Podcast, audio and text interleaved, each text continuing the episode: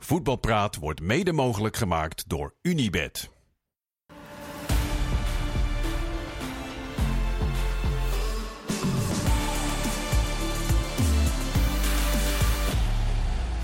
Voetbalpraat van eh, 8 januari. De Eredivisie begint komend weekende. Dus begint ook Voetbalpraat weer. Vandaag met uh, Sjoerd Mossou, Martijn Krabbedam en Kenneth Perez. Heren, uiteraard beginnen we met het nieuws dat ongeveer eh, nou, was het, iets meer dan een uur binnenkwam. Het overlijden van Frans Beckenbauer, eh voetbalicoon eh, in Duitsland. Eh Sjoerd, in hoeverre is Frans Beckenbauer voor Duitsland wat Johan Cruijff voor Nederland was? Nou ja, ik, ik denk ongeveer dat. Ehm, hij is voor mijn tijd, dus ik, ik heb hem niet actief zien voetballen. Maar de, de, ja, ik heb het net op Twitter gezet, niet om daar nou zozeer reclame voor te maken. Maar er is één filmpje van, eh, dan is hij 20 en dan speelt hij op het WK van 1966. En dat is echt waanzinnig. Dat moet je echt zien. En dan, dan zie je dat hij gewoon met een soort achterloos gemak de hele tijd het hele veld oversteekt. Ja, Alsof de rest niet meedoet. want hij werd toen de moderne libero. eh, ja, hij was natuurlijk de inschuivende verdediger. We hadden het voor de uitzending nog even over dat in het amateurvoetbal het begrip... het is geen Beckenbauer ook heel groot is geworden. Hè? De, de man die je vrij kunt laten, daar, daar wordt dan over gezegd van... eh, geen Beckenbauer, laat die maar vrij. ja. Maar eh, Vier zei je net, qua doelpunten. Ja. Eén op vier. Ja. Als inschrijvende li- libero. Nou, dat tekent de meeste aanvallen middenvelds eh, voor. Dat vind ik een knappe moyenne. Zeker. ja, maar in, die, in die beelden zie je dus echt dat hij... Alsof, alsof het hem geen enkele moeite kost, steekt hij, loopt hij gewoon het hele veld over de hele tijd. Dat Dus is zoals bizar. Cruijff. Zoals Cruijff toch? Dat Ja. ook vaak deed. Was hij de beste voetballer aller tijden van Duitsland? Denk ik wel. Wereldkampioen geworden als speler, wereldkampioen geworden als trainer. Eh, bij voorzitter van Bayern München geweest. WK naar Duitsland gehaald. Dat ging geloof ik niet helemaal eh, volgens de regeltjes. Daar had hij misschien ook nog wel een beetje een, eh, een klein handje van.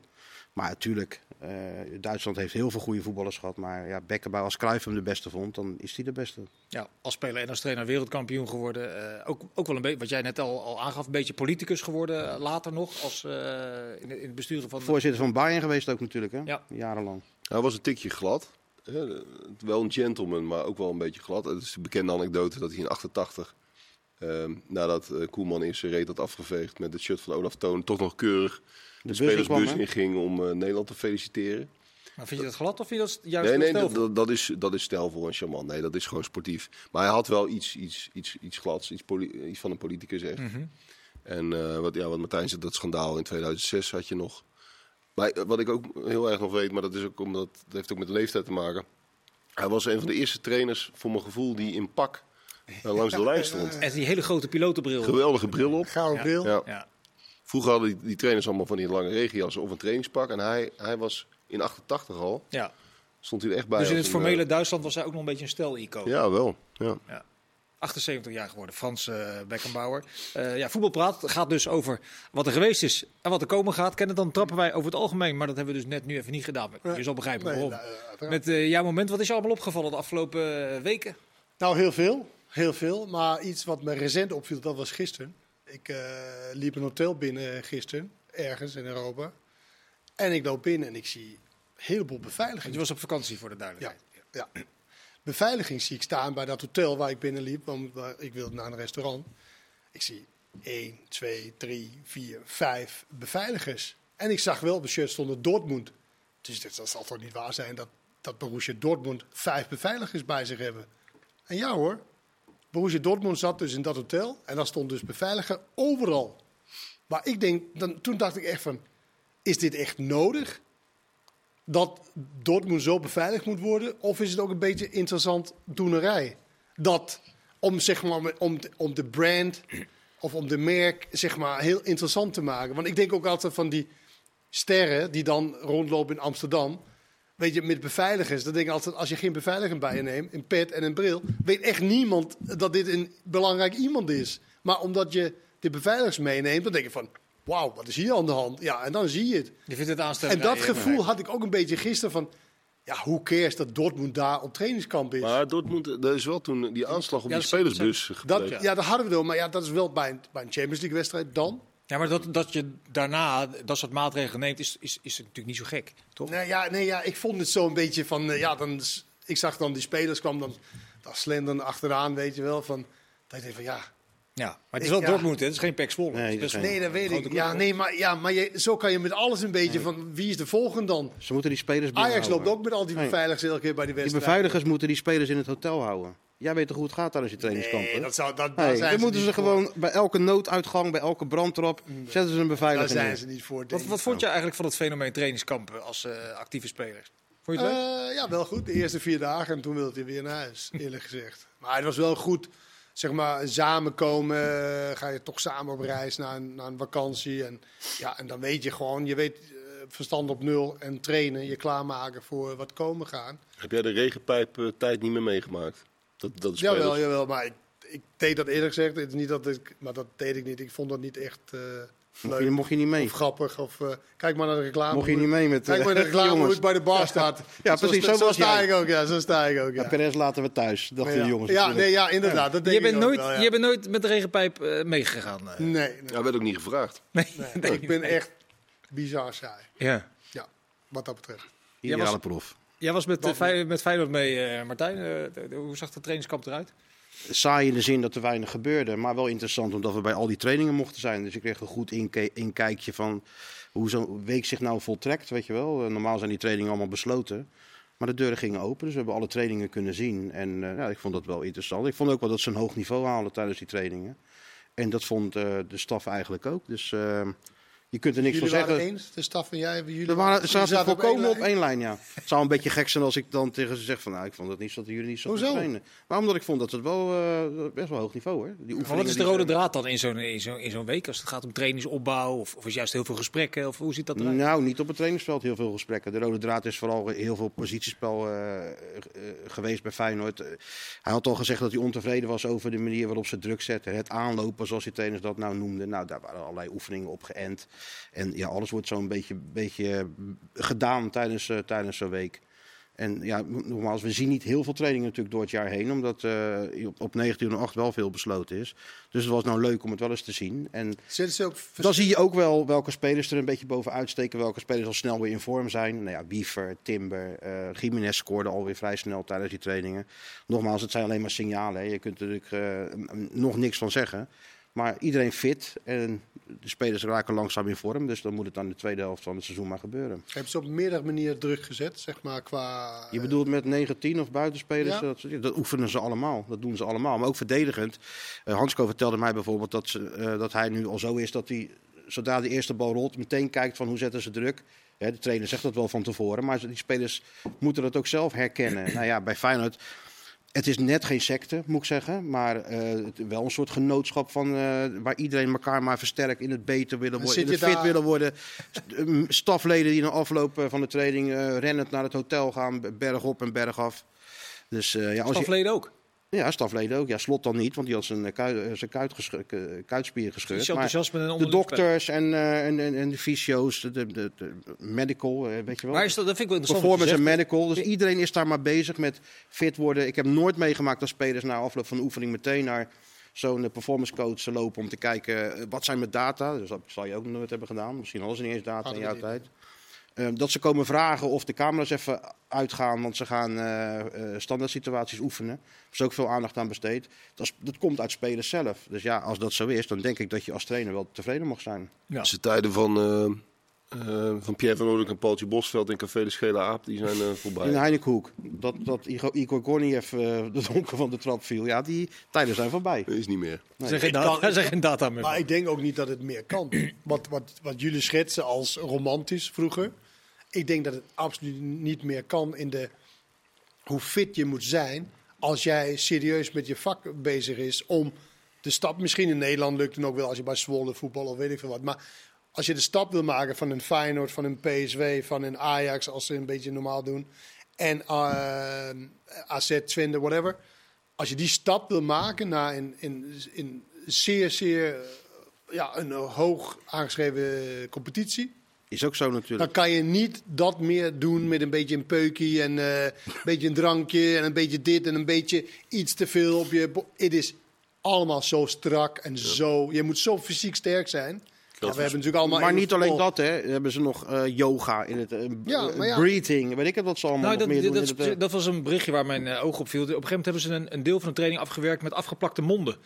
Zodat ze verplicht werden om door de... nou, dat hebben wij- dat kan niet anders. Dat je dan door je neus Dat moet gek. Dat ademhalen. zagen wij natuurlijk ook gebeuren. Dat ze zo'n pleister op die mond plakte. En, dat- maar het was, er waren niet, was lage intensiteit, intensiteit dat ze liepen. Dus niet dat ze sprinten. Want dan heb je je mond natuurlijk wel open.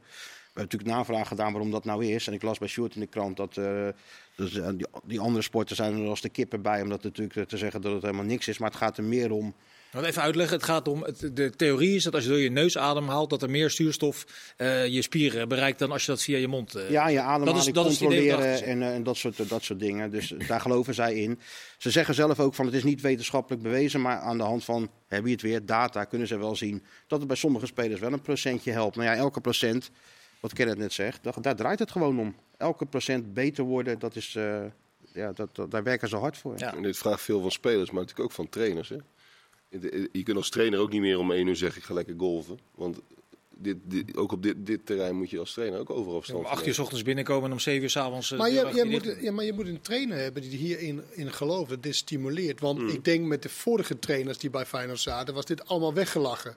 Dan was je juist belachelijk gemaakt als jij om de data's had gevraagd. Als jij eh, heel serieus dingen wilde doen en dat soort dingen. Dan was er meer zo van, Die ja, kregen ze natuurlijk wel. Die, wat, eh, kom je, die- die wat, kom je, wat kom je doen? Doe, ga lekker, weet je wel. Ja. Maar dat bedoel ik dat het elkaar allemaal versterkt. Ik heb dat gezien, weet je wel. Als je daar blijkbaar werkt bij Feyenoord, dan ga je lopen, dan ga je fit worden en dan ga je overal... gebru- de volgers gebruik je alles. helemaal. De watchers niet. De watjes zijn ook gevraagd om mee te lopen, maar ja, wij moeten nog stukjes stikken kennen. Ja, nou, dus nou, anders hadden we het natuurlijk uiteraard wel, wel gedaan. Maar het is wel waar, je moet een trainer hebben die dat allemaal die dat aanhangt. Maar ook eh, trainers die hard willen werken. Want die Reine was er natuurlijk mee als assistent. Kwam bij Cambuur, was hij technisch directeur. Dus wij zeiden nog voor de gein, nou dat is wel lekker zo toch op het veld. Beter dan nog zo'n desk in, eh, in Leeuwarden. Waar, hij zei, ja maar het gaat nu pas beginnen. Nu moeten we de beelden knippen van Feyenoord, van tegenstanders, van trainingssituaties. De zoomen drones boven dat veld. Alles wordt opgenomen. Teruggekeken, trainingen, standaard situaties, de hele rambam. Dus het is inderdaad leuk is, ik kwam eh Kostas Lamproe daar tegen. Die was natuurlijk twaalf jaar geleden al met Feyenoord mee. Dat was in de tijd van Pelle en met Guidetti. En ja, er werd ook nog wel eens een regenpijpje eh, gepakt. Maar die zei gewoon, ja, als je met de kennis van nu leken we wel amateurs in die tijd. En dat praat je over tien jaar geleden. Iets langer. Ongelooflijk dat we überhaupt hebben kunnen voetballen. Hoe hebben wij kunnen voetballen zonder al die, Nou, geef die zelf, middelen geef nou en zelf- al die nou, dingen? maar- Nee, nee, nee, maar dat- Ik maar- weet niet of je op, maar- eh, Nee, Nou, maar dat, het is dat, toch- dat slaat, dat, dat slaat toch nergens op. Andere tijd. Dus jij als in deze tijd ook fit, nog fitter geweest. Ja, nee, maar ik bedoel van meer. Het, het klopt wel een beetje wat die Lamproe zegt. Van, eh, van dat je, als je met de kennis van nu. Ja, tuurlijk. Weet je, dan al die dingen. Alleen dat, ja, dat, zo werkt dat niet. En daarom zijn er sommige voorgangers. Ik heb gehoord, Ronaldo, toen hij bij United kwam als 19-jarige, had hij een hele staf bij zich. En hij werd natuurlijk uitgelachen door al die Engelsen van. "Ah, wat kom jij nou doen met die, eh, met die mannen? En een jaar later hadden ze allemaal hetzelfde, zeg ja, maar. want ze zagen dat hij de beste was. nou, Ja. dat weet je wel. Alleen ja, soms word ik een beetje van. Al, dat het bijna alsof. Hoe hebben wij in godsnaam kunnen voetballen zonder al die hulpmiddelen? hulpmiddelen? En geloof me, wij hebben ook gevoetbald. Ja. En ook behoorlijk, heel veel van die, van die mannen. Nou, misschien nog wel beter. Nou, dat, dat, Ik- ik dat vraag- denk- niet fitter in ieder geval. niet Dat fitter, maar niet. dat niet. Maar, je Maar was, wel- in maar deze wel- tijd was jij ook meegegaan. Dus bedoel, dat moest. Daarom. Dat moet. Daarom. En als je het doel is om naar de Premier League te gaan. Nou, we hebben waarschijnlijk alle vier een beetje Premier League gekeken. eh, nu dat er geen Nederlands voetbal is. Nou, Ja, gaan we, ga- gaan we het zo nog... eh, gaan we aan de gang, eh, zou ik zeggen. Ja, maar zo'n uit. cyclus van verandering, Sjoerd, dat helpt natuurlijk. Het is nu 2,5 jaar slot bij, eh, bij Feyenoord. Het feit dat daar direct succes, succes was, dat helpt natuurlijk wel als je zoiets zo rigoureus wil, eh, wil doorvoeren. Anders ligt in het voetbal cynisme altijd op de loer. Ah, het is ongelooflijk knap om het juist bij Feyenoord voor elkaar te krijgen. Een beetje wat waar we net ook al over hadden. Er, is- er zijn ook heel veel trainers die hebben dat ook wel geprobeerd op hun eigen manier. Maar dat, dan lukte dat toch steeds net niet. Kijk, Gertje van Beek was een heel ander verhaal. Dat is 15 jaar geleden alweer. Maar toch, die probeerde toen al. Nou, dat, dat is niet zijn verhaal. Eigenlijk is dat ook al het verhaal, alleen lukte het toen niet. Nee, het lukte voor geen meter. Want Nee. toen, toen was die club daar nog niet aan. Ik, weet, ik kan me nog herinneren dat Peter Bos technisch directeur van Feyenoord was. Dat was ook in die periode, toch? Dat was ook met Verbeek. Ja, zeker. zeker. Die haalde die- Verbeek. Die maakte toen een heel beleidsplan over dat de topsport, eh, eh, het, de topsportklimaat bij Feyenoord moest helemaal worden aangepast. Het moest veel professioneler worden. Die werd daar toen ook een beetje om Ja, uitgelachen. omdat ze dat tegelijkertijd niet wonnen. Ja, maar Nee. omdat ze ook Varken nooit hadden. Dus had ook wel met de tijd te maken. Je hebt nou een Vonkel Nieuw trainingscomplex. Met wat, wat eigenlijk nu al uitgebreid moet worden bij, eh, bij Feyenoord. Maar daar heb je natuurlijk wel alle benodigdheden eh, om, om als, als ploeg en als individu beter te worden. Ja, Varkenoord Ja, dat, dat was daar gewoon niet. Dus Feyenoord trainde gewoon bij een amateurclub. Zo moet je het zien. Maar en nu, de, gro- de grootste compliment voor Feyenoord en voor Arne Slot is natuurlijk wel na, vol, na vorig seizoen dat alle clubs eindelijk, zeker die daar wilden aanhaken, zijn nou, wij moeten onze intensiteit moet omhoog, die moet richting Feyenoord, anders, anders halen we het niet. PSV heeft dat En gedaan. Peter Bos is natuurlijk teruggekomen, die in het buitenland al die intensiteitsloopjes heeft gezien. Wat het verschil is met een Nederlandse eh, speler en een Duitse speler, bij wijze van, bijvoorbeeld, wat hij vaak aanhaalt. Ja. En daar, daar heeft hij, daar heeft hij natuurlijk op ingezet bij PSV. En ja, dat is wel een compliment voor Feyenoord dat dat zeg maar de norm werd. Terwijl Feyenoord natuurlijk nooit echt de norm is geweest. Nee. Altijd eigenlijk Ajax. En in het kielzog van Feyenoord eh, en PSV heb je natuurlijk Twente natuurlijk met Oosting, wat een moderne trainer is. En eh, er volgen natuurlijk andere clubs. Dus uiteindelijk, we zien het nog niet 1, 2, 3 terug volgens mij dit seizoen in de Eredivisie. Maar gaat dat niveau? Dat klopt, maar de, de, de kanttekening die je erbij moet maken is dat iedere club in Nederland wil nu een Arne Slot hebben. Ja. Of een Peter Bos hebben. Waardoor iedereen ook op die manier wil gaan voetballen. En sommige clubs dat eigenlijk helemaal niet kunnen. En dat je dus ook heel veel wedstrijden ziet waarin het verschil tussen de top en de rest wel enorm groot wordt. Ja. Maar Het je leidt ook toch- tot een zekere naïviteit, eh, heb ik het gevoel. Je moet dat helemaal niet willen. Je moet toch juist dicht bij je.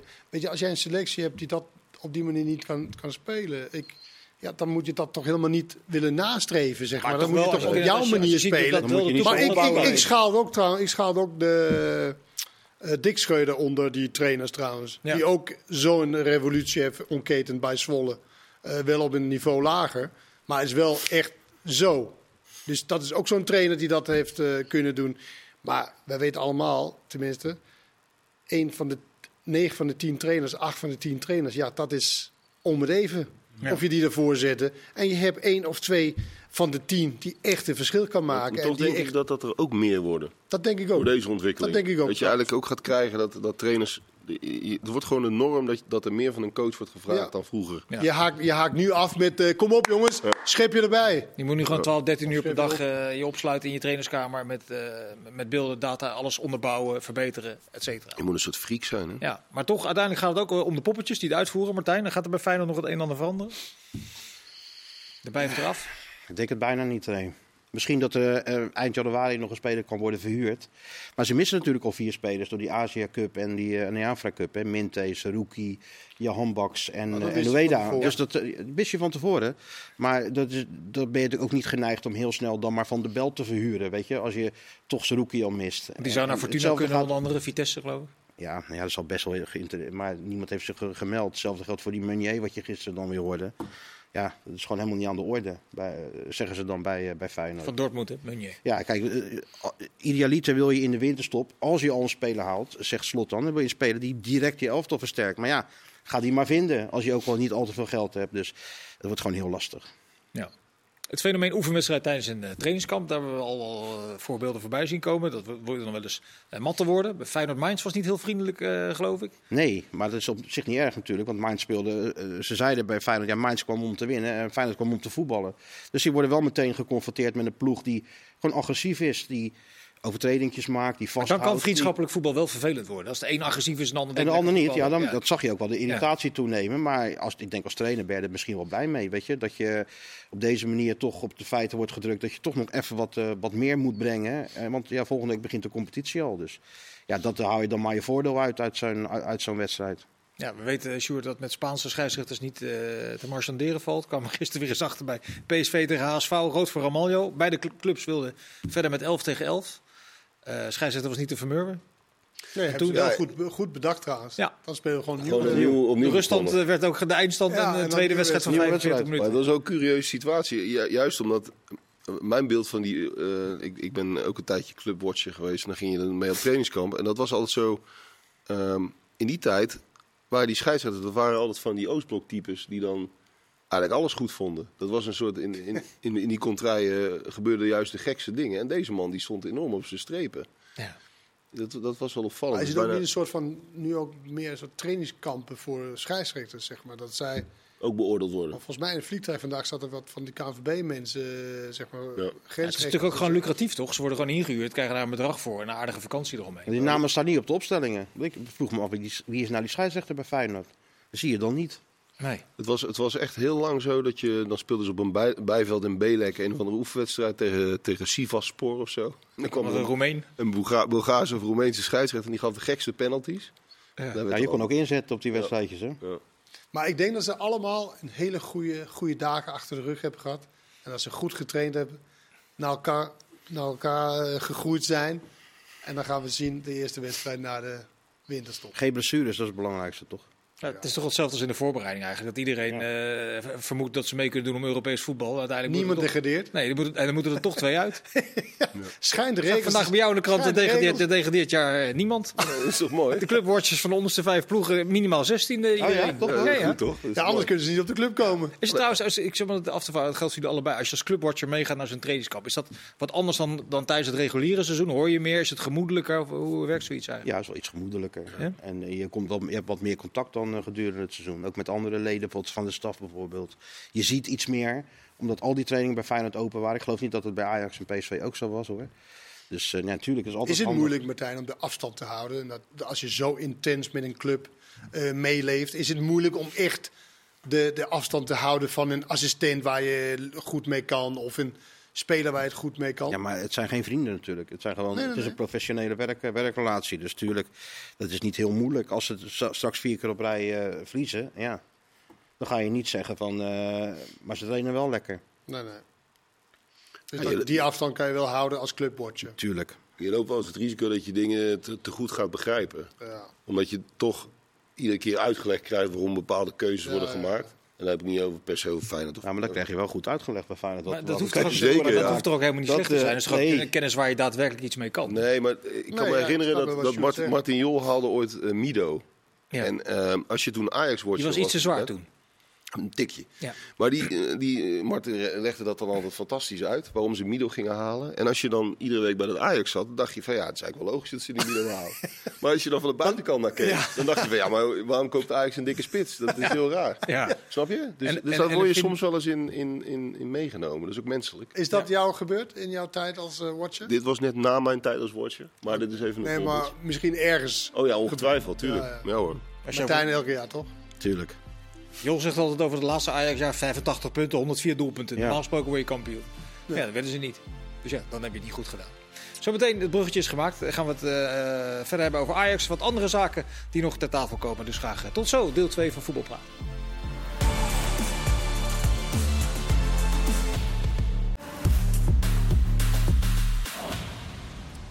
Deel 2 van eh Voetbalpraat van 8 januari. We hebben Feyenoord en PSV gehad en hun trainingskamp. Ajax was ook op trainingskamp. eh, met John van Schip weer terug uit Australië.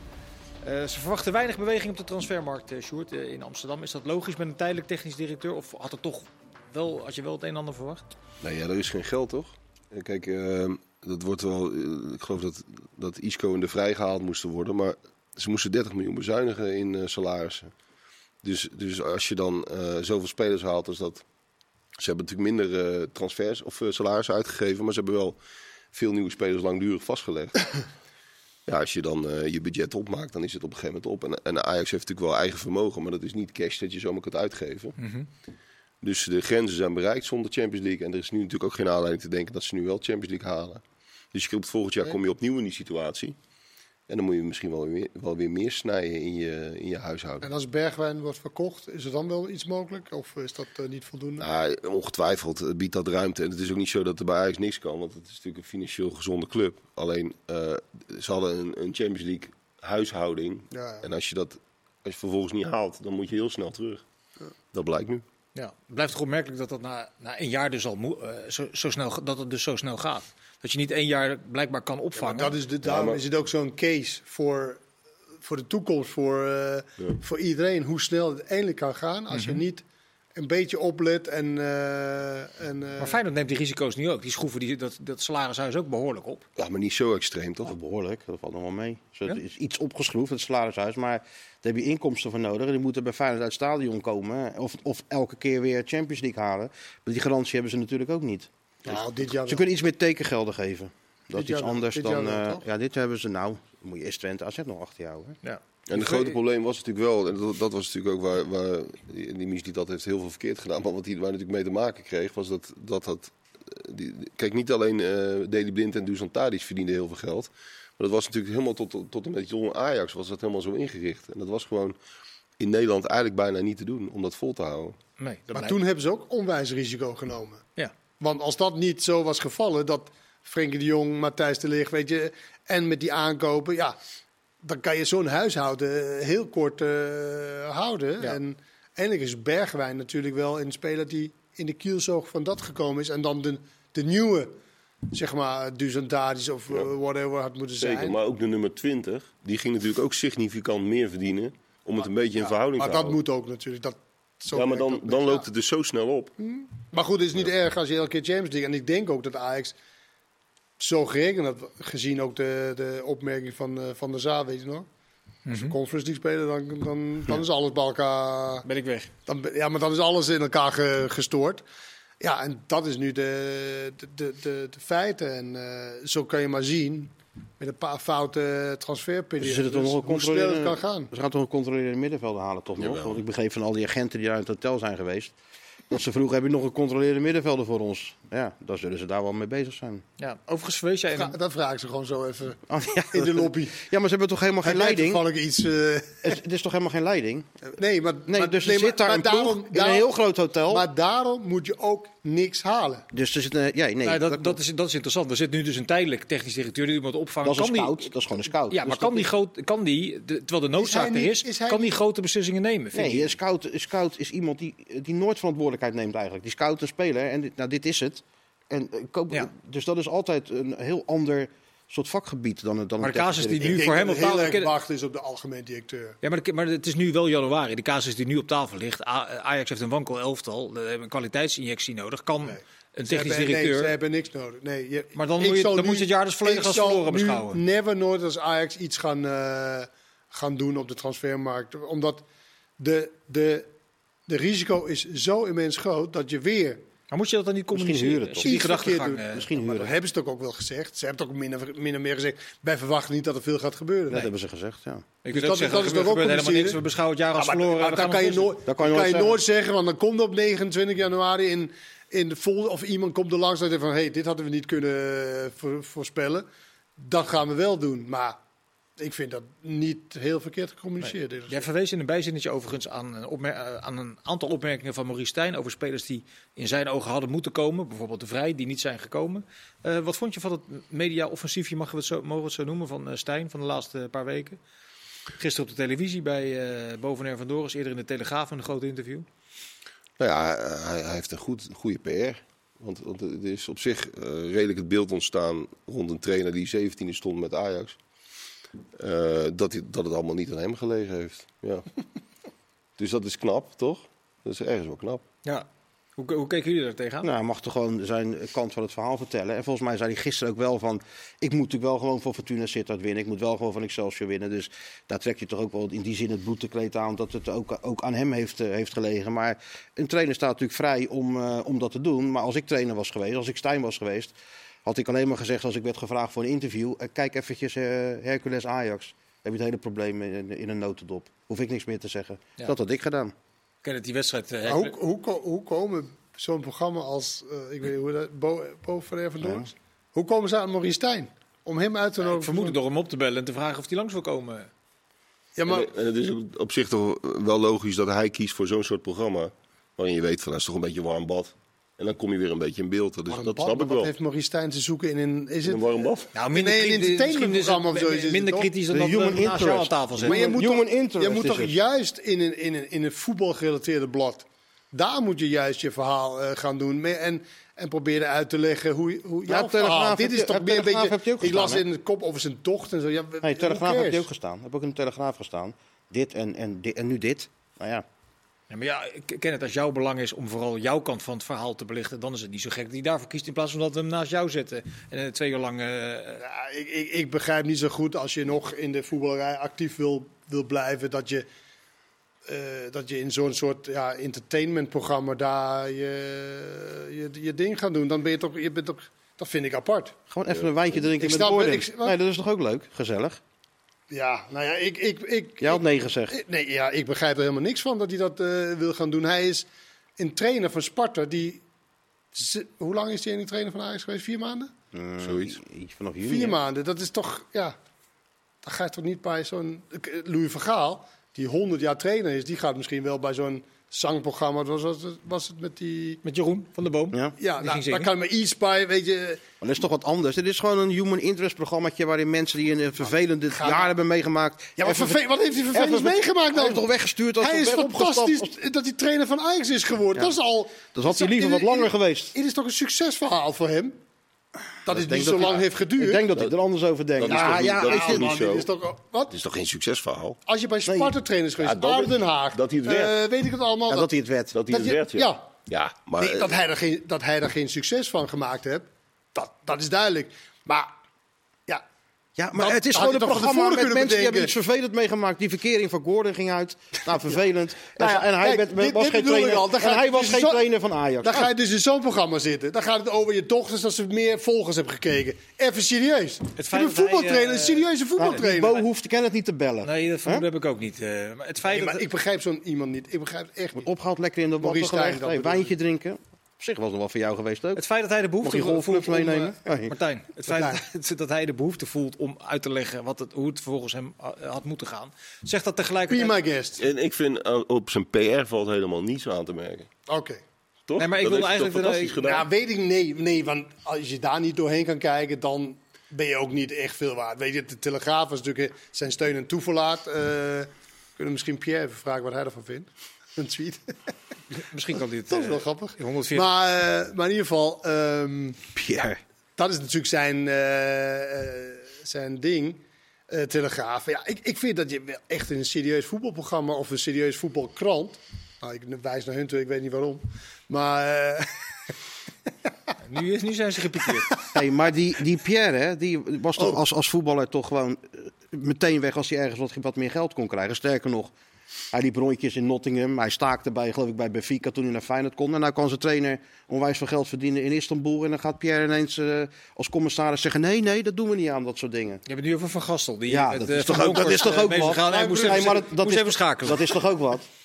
Dat vind ik ook weer zo. Gun die, Ik vind het heel gun die jongen gewoon even die overstap Nee, dan. man, natuurlijk niet. Het is toch heel apart dat die Van Gastel niet in zijn contract heeft laten zetten. Dat hij op elk moment, Ja. als hij die behoefte heeft om met Van Bronckhorst mee te gaan, dan om mee te gaan. Je, je kiest als NAC, kies je natuurlijk voor hem als hoofdtrainer.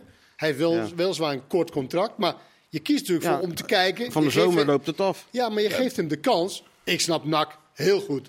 En bij NAC beta- bepalen ze zelf wel wanneer ze de trainer wegsturen natuurlijk. Ja, dat precies. Dat gaat die trainer niet doen. Dat gaat de trainer niet zelf doen.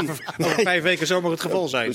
Dat zou wel heel sneu zijn. Dat zou mooi Ja. zijn, hè? Over drie weken, ja, sorry, dit is werk niet weg. Nou, wat ik begreep is, Sjoerd, bij- bij een aantal mensen binnen NAC vond het eigenlijk wel prima als hij zou gaan. Dus- Maar Pierre zei, nee, dat doen we niet. Nee, Nou, dat denk ik klopt. toch, ja. Dat- dat klopt Dat wel. is tot de Pierre van Nottingham en van eh, Benfica. En, Ja, eh, maar hij en- zit natuurlijk- En van Feyenoord naar, naar Fenerbahce. Maar hij zit nu aan de andere kant van de Ja, tafel. dat is best staat- wel. Nee, maar hij staat er net zo hard in als dat hij als speler stond. Je Ja, zeker.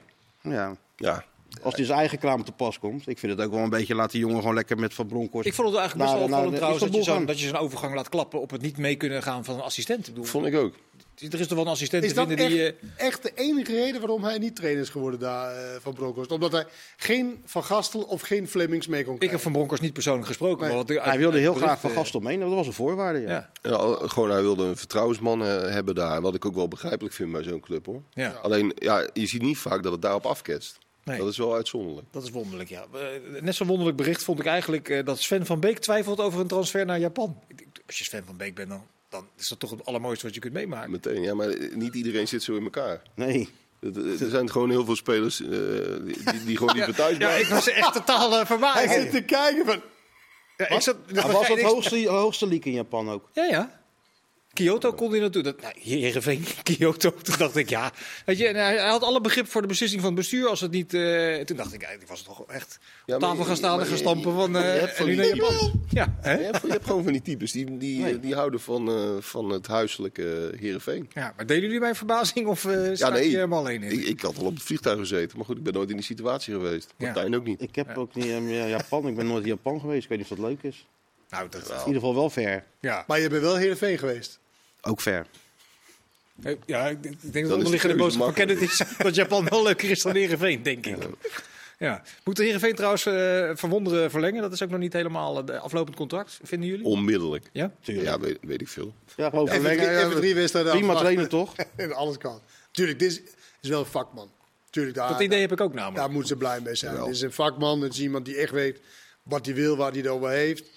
En kijk, met dat materiaal, de ene keer moet hij ontslagen worden, de Ja, andere tuurlijk. keer moet hij. Weet je, en dat is met dit materiaal en deze competitie, dat is heel fluctuerend. En ja, daar moet je gewoon kijken. Ze moeten blij zijn als hij trainer wil blijven Tuurlijk. van, van Heerenveen. En het Twee schorsingen en blessures heb je alweer dat, dat problemen. Ja, daarom. Het pleit ook wel voor die club dat ze hem, eh, toen het nog even onrustig was, dat ze de rust bewaard hebben en hem gewoon hebben laten zitten, toch? Ja, Ja. maar daar ben je dan- Daar hebben ze, nee, maar daar hebben ze in ieder geval in erkend. Maar het gebeurt, bij, het gebeurt wel eens andersom. daar hebben ze in ieder geval in erkend dat ja, het ook een Breda, vakman is. eh, doen ze- doen ze dat anders? Dat gebeurt wel eens. ja. Iets minder geduld. Nou, we gaan het zien of dat eh, zich ontwikkelt. Vonden jullie van het gebaar van RKC in Marokko, het bezoeken van eh, de plek van, van de aardbeving? Dat zie je niet heel veel voetbalclubs doen, die, die mate van maatschappelijke betrokkenheid. Ja, nee, goed en mooi. Op zich gebeurt dat natuurlijk. Ja, als, je, als je in die buurt bent, dan, dan gebeuren dat soort dingen wel eens. Ja. Als je daar echt alleen maar daar naartoe was gegaan voor dat, dan had ik me ook iets bij. Maar als wij op trainingskamp waren, dan gingen we meestal ook naar de... In de buurt had je een van, Ja. van, van, favela, of eh, dan ging je naar weet ik veel wat. Oranje- Dan ging je Oranje daar ook een vaak. soort van laten zien. En, eh, maar goed, goed dat, goed dat het gebeurt. En het, het allerbeste zou zijn als ze het zonder camera zou doen. Ja. Maar dat gaat niet meer tegenwoordig. Nee, nee. Iedereen gaat natuurlijk alleen maar om te laten zien. Er zijn natuurlijk ook veel mensen die dingen doen zonder het te laten weten. Ja. Dan even een klein niveautje lager, waar eh ADO Oh, behoorlijk in de. Ja, ADO in de bus, in de bus aan het blazen is. Want die willen Toornstra, eh, Marsman en eh, Buis, dertigers, om eh, eh, promotie te Wie, wie zijn er nog meer? Buis? Jordi Buis, dus die, die van de Graafschap vroeger. die, Centrumverdediger. Wat zeg je? Die Ik dacht dat centrumverdediger. Ja, ja, centrumverdediger. Danny Buis. Nee, maar was ik me al helemaal vergeten. Waar, speelt hij nou dan? Heeft heel lang in het buitenland gezeten. Ja. maar die heeft een vertrouwensband met de Kalasic. En, eh, maar het feit dat ADO ineens kan investeren om die promotie te bewerkstelligen. Nou ja, het is een beetje eh, het afwegen van risico's. Kijk, als je bij de, dat is in de eerste divisie natuurlijk nu zo. Als je bij de eerste twee eindigt, dan ben je, ben je zeker van promotie. En ze zitten er dicht in de buurt. Het staat vrij dicht bij elkaar daar. En dan, dan kun je die, al- een beetje zoals PSV afgelopen zomer heeft gedacht. eh, we gaan voor die eerste twee plekken, hoe dan ook, linksom of rechtsom. Doet ADO dat nu ook. Alleen het is een beetje, in de winterstop lijkt het me wel iets risicovoller.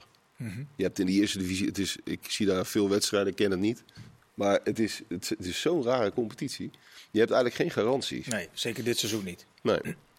Dus het is wel een risico. Als je nu heel veel salarissen voor ADO-begrippen gaat betalen aan dat soort jongens, dan moet je het ook wel echt halen. Want anders. eh, Ja, maar het zijn, ik moet eerlijk zeggen, het zijn ook wel aankopen voor een half jaar. Want je kunt het vervolgens niet met 38ers eh de eredivisie in. eh Nee, nee, het is, echt, het is echt een korte termijn. Michum en Veerman, die waren ook al uit die categorie. Ja, nee, maar zij gokken. Maar die spelers komen toch niet voor een half jaar, neem ik aan. Nou ja, het is in eerste instantie bedoeld om, eh, om promotie te bewerkstelligen. het zou En ze zijn kunnen. allemaal heel de is toch 30. heel raar dat je, je moet toch ook een speler, je moet ook een speler een beloning, eh, soort van, eh, dat je, oké, als we het haalt, dan ga je, ga je met een jaar verlengen. Ja. Oh, dat dit is toch geen, is geen zitten. Nou, het is wel over het algemeen hoe het ADO het gedaan heeft. De laatste jaren tien man erin, tien man eruit in, eh, in iedere transferperiode. Ja, het, is, het is in ieder geval niet. Vroeger was het echt zo, als je routiniers haalde in de keukenkampioen-divisie, dan had je gewoon significant meer kans om te promoveren. Dat is wel een beetje voorbij. Dus het is geen garantie. Maar wie zei eigenlijk? Marsman, die, dat is de keeper, toch? Ja, van die heeft niet MLS. zo heel eh, veel gespeeld de laatste Nee. tijd. En wie was de andere? Marsman, eh Toornstra. Oh, Toornstra, dat is zo, ja, dat, dan heb je echt wel kwaliteit. Dan haal je wel kwaliteit binnen. Maar dat is nog maar de vraag of dat, eh, of hem dat gaat worden. Ja. Dat is nog maar de vraag of dat gaat lukken, toch? Misschien spelen ze een beetje op het eh, sentiment van... eh, Maar goed, heb je nog... eh, ja, we gaan het zien. Rondje, want we hadden een rondje buitenland, Iets, aan, een rondje buitenland aangekondigd. Daar wilde jij heel graag naartoe. Wil je een rondje Kan jij nou ken Nou, al iets van de chocola maken van het Manchester United van Erik ten Hag? totaal niet. Totaal niet. Die wedstrijd tegen Villa was Eh, fenomenaal. Niet alleen maar van wedstrijd naar wedstrijd, maar ook van helft naar helft. Van eh, United Aston Villa, eerste helft kansloos, futloos. Spelers eh, werkt niet meer voor de trainer. Tweede helft, nou, Dat werkte wel voor de trainer. eh, weet je, Ja, en dan, de eh, onderlinge dan moet ik verhoudingen waren dat geweldig. En weet ik het allemaal. Nou, wat een apart elftal is dat. Maar wat is, daar nou, wat is daar nou de belangrijkste verklaring voor dan? Dat, Nou, ik denk wel dat het, dat het wel klopt wat hij zegt. De vele blessures wat ze he- hebben, dat is wel, maakt het nagenoeg onmogelijk om zeg maar, elke keer met dezelfde, zeker als je zo vaak een wedstrijd moet spelen. Dus hij moet de hele tijd moet hij wisselen natuurlijk. Maar goed, Daarvoor heb je ook de brede, de brede selecties in Engeland. Daar hebben ze genoeg eh, geld voor. Eh, maar wat, ik- wat ik een beetje hoor, is meer dat mensen een beetje schrik van dat niet echt een lijn in het spel van Manchester United zit. Nu, twee jaar later.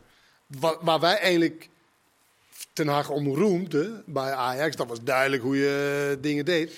Dat zeggen ze, ja, dat is bij United niet het geval. En daar wordt hij eigenlijk het meest op aangekeken. Maar dat is ook zo. En, en dat heeft deels wel met, eh, ook met blessures te maken. Je moet, je moet ook, de- de- die verantwoordelijkheid ligt natuurlijk ook bij hem, dus die kritiek is ook terecht. Maar die selectie is ook een soort lappendeken. hè. De, de- de- er zitten er een paar die waren er in Van Gaals tijd al. Dus Luke Shaw, Martial en zo. Ja. Dus het zijn allemaal eh, groepjes van spelers die door die verschillende managers in de loop der jaren zijn gehaald. Over het algemeen voor heel veel geld. Ja, maar vooral met waanzinnige salarissen. Ja, dus het gekke is, eh, Ten Hag heeft, heeft heel veel kunnen investeren natuurlijk. Hè, want hij heeft, hij heeft veel geld uitgegeven, te veel ook naar zijn eigen smaak. Maar ehm, hij heeft er niet een helemaal nieuw elftal van kunnen maken. Althans, maar tot op zekere hoogte, want er gaat Ja. bijna niemand weg. Nee. Dus het is een soort... En dan heb je met een andere ding te maken. Moordende concurrentie. Ja, in de competitie of, of binnen die selectie? Je bedoelt Nee. binnen de competitie? Nee, in de competitie. Ja. Weet je, je kan niet even twee wedstrijden rustig aandoen tegen Wolves en tegen... Dan word je gewoon geslacht. Daarom is Het is wel... elke wedstrijd is het volle intensiteit, volle bak. En daarom heb je een beetje een probleem als je drie of vier blessures hebt.